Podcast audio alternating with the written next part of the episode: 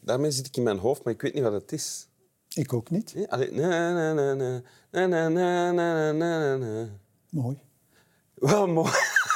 Oké. Indrukwekkend. Ja. En we zijn al aan het praten. Zo gaat dat, hè? onder vrienden. Eh, al, hebben, al ontmoeten we elkaar nu voor de eerste keer. Welkom in Winteruur, Chris de Stoop.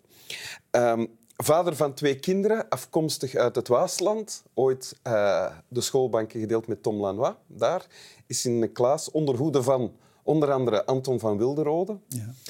Ehm, en dan, net zoals eh, Tom Lanois, eh, schrijver geworden. Met een ander temperament, mag je dat Zeker. zeggen? Zeker, zeker. Tom zal het daar ook wel mee eens zijn, denk ik. Maar we delen ook veel. Ja, hoezo? Ik vanuit de non-fictie, hij van de fictie.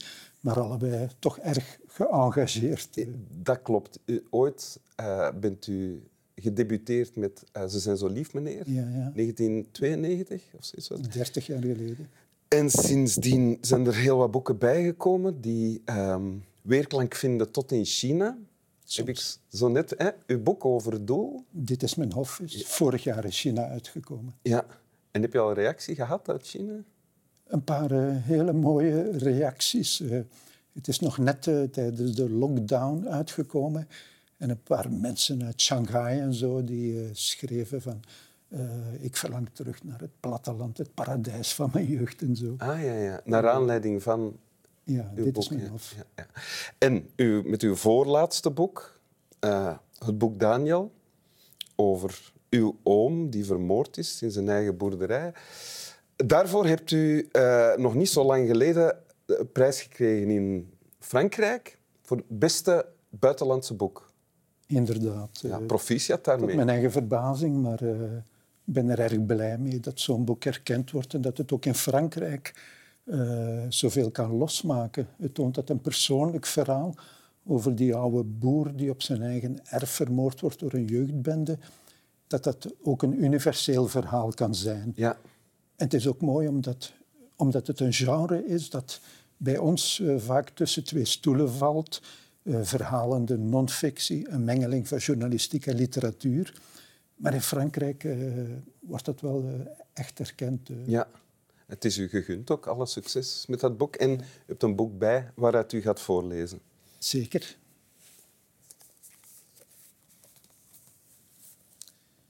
Het enige wat in de cel voor roering zorgde, was ons stemgeluid, was praten, vertellen. Iedereen op de wereld die een luisterend oor kan vinden, heeft een verhaal te vertellen. Het moeilijke is niet het vinden van een verhaal, maar van iemand die wil luisteren. Ik was het luisterend oor in die kooi. Met dat griezelige, onbetrouwbare instinct van schrijvers luisterde ik naar alle verhalen en sloeg die op in mijn geheugen om ze later te ordenen.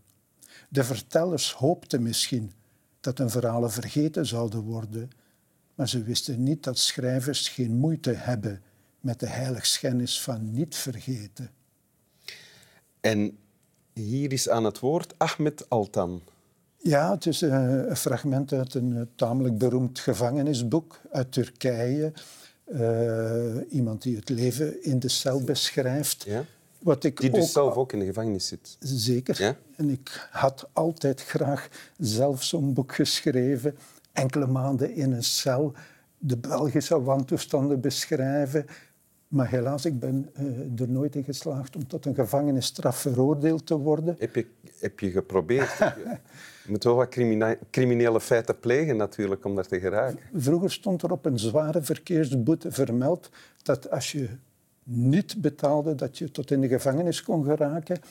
Ik heb die wel eens laten liggen, maar na een Met aanmaning... dat doel ook?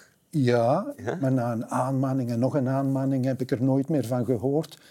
Ah. Ook sommige minder vriendelijke mensen waarover ik boeken schreef, die hoopten mij in de gevangenis te krijgen. Maar behalve een klacht en een verhoor is het ook eh, nooit eh, tot vervolging gekomen. Ik ben wel in de gevangenis geweest, bijvoorbeeld om nu met eh, de moordenaars van mijn oom Daniel te praten Ja. die zaten eerst in de echt middeleeuwse gevangenis van Mons, met kakkerlakken, ratten, uh, drie in een cel voor één enzovoort. Dat ik er echt medelijden mee had. Maar daarna zijn ze naar een hypermoderne gevangenis in Leuzen, in Henegouwen, verhuisd. En nu zitten ze, uh, tot onlangs, zaten ze in een cel met uh, telefoon, computer, televisie, een, mooi, een mooie badkamer met douche. En was dan uw medelijden ook meteen terug weg? of gun je hen een... Ik, ik, gunde het hen zeker. Ik denk dat de meeste mensen slechter uit de gevangenis komen dan ze erin gaan. En dat wil ik absoluut niet, in tegendeel. Ja. Naar de tekst die je hebt meegebracht. Dus Ahmed Altan is in de gevangenis terechtgekomen. En wat zegt hij hier? Hij zegt dat het gaat over luisteren. Dat hij luistert. Zeker, zeker. Dus die Ahmed Altan is iemand die al vaker wegens uh, kritische teksten uh, vervolgd werd. Echt iemand die je moet bewonderen. Ik toch. Uh, en na de mislukte staatsgreep tegen het regime van Erdogan in 2016 wordt hij opnieuw opgepakt, zoals duizenden anderen. Hij had het verwacht, hij had zijn koffertje al klaarstaan. Op de beschuldiging dat hij via subliminale boodschappen tijdens een tv-gesprek uh, de plegers van de staatsgreep zou aangemoedigd hebben. Dus een, een soort onderbewuste signalen. En hij wordt effectief... Moeilijk om je daartegen te verdedigen, denk ik. Zeker, maar hij wordt daarvoor effectief veroordeeld tot levenslang. En dan schrijft hij in de gevangenis dat uh, prachtige boek uh, Ik zal de wereld nooit meer zien. Ik zal nooit meer de vrouw van wie ik hou kussen. Ik zal nooit meer mijn kinderen omhelzen. Nooit meer in boekhandels struinen. Nooit meer naar zee gaan, enzovoort.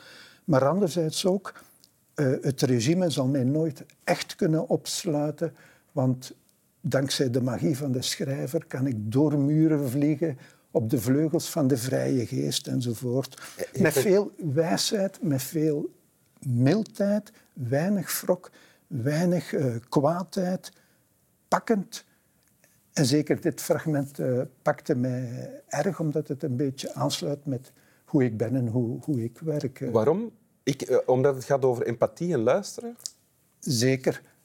Dus hij, hij, zegt in feite, na gesprekken met al zijn medegevangenen in die grote, overbevolkte, gruwelijke cel, uh, zegt hij, elke mens heeft een verhaal te vertellen als hij iemand zou vinden om te luisteren. En dat zijn dus twee dingen waar ik het mee eens ben op basis van mijn ervaringen niet alleen aan de bovenkant van de maatschappij, waar veel te veel over geschreven wordt, over uh, macht, geld, glamour, maar ook aan de onderkant van de maatschappij, waar ik het meer gezocht heb altijd, heb je altijd boeiende, mooie verhalen te vinden. Uh, elk mensenleven, dat bedoelt hij, is een verhaal met een begin, een midden en een eind. En dat is ook mijn ervaring als je maar lang genoeg luistert, uh, oprechte interesse toont, uh, vertrouwen geeft en vertrouwen terugkrijgt, dan eindig je altijd met een interessant verhaal. En nu heb je het nog over de luisteraar, maar nog niet over de schrijver, want daar gaat het ook over. Zeker. Uh, dus de negatieve kant van altijd luisteren, dat vermeldt hij op het einde van dat fragment. Ja. Dat is het minder leuke, dat is dat je het vertrouwen wint van iemand en je laat iemand ook minder leuke verhalen vertellen over slechte dingen. Je gaat trouwens ook met slechte mensen praten, met misdadigers, met uh, criminelen, krijgsheren, gevangenen. En die verwachten misschien niet dat dat in een boek gaat komen. je steelt ergens hun verhaal. Je gebruikt het als materiaal. En met al Niet altijd. Dat, dat, is wat de schrijver dan doet. Ja, dat laat en met al die miserie wint hij dan... Met zijn verslag van al die miserie wint hij dan prijzen in. Ja, en dat geeft je toch soms een gevoel dat je een indringer bent. Uh, uh, dat is minder leuk, maar zeg ik dan, als het moreel verantwoord is en het is maatschappelijk relevant, dan doen we dat toch. En ik neem aan dat er toch ook al veel mensen wel dankbaar zijn geweest voor de stem die jij hebt gegeven in hun boek. Meer, dan, meer dan het omgekeerde. Ja. Dat is juist het, het grote pluspunt van verhalen vertellen, Dat is dat je een bepaalde problematiek een, een gezicht geeft, een stem, een familie enzovoort. En dat je dat dan sterker kunt overbrengen.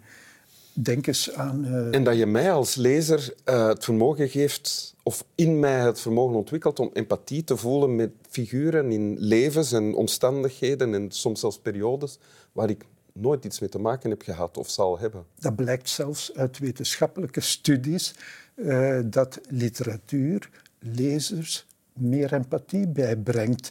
En dat is toch niet niks. Eh, je zou kunnen stellen dat een dokter soms een boek moet voorschrijven in plaats van een pil. Dat lezen kan genezen.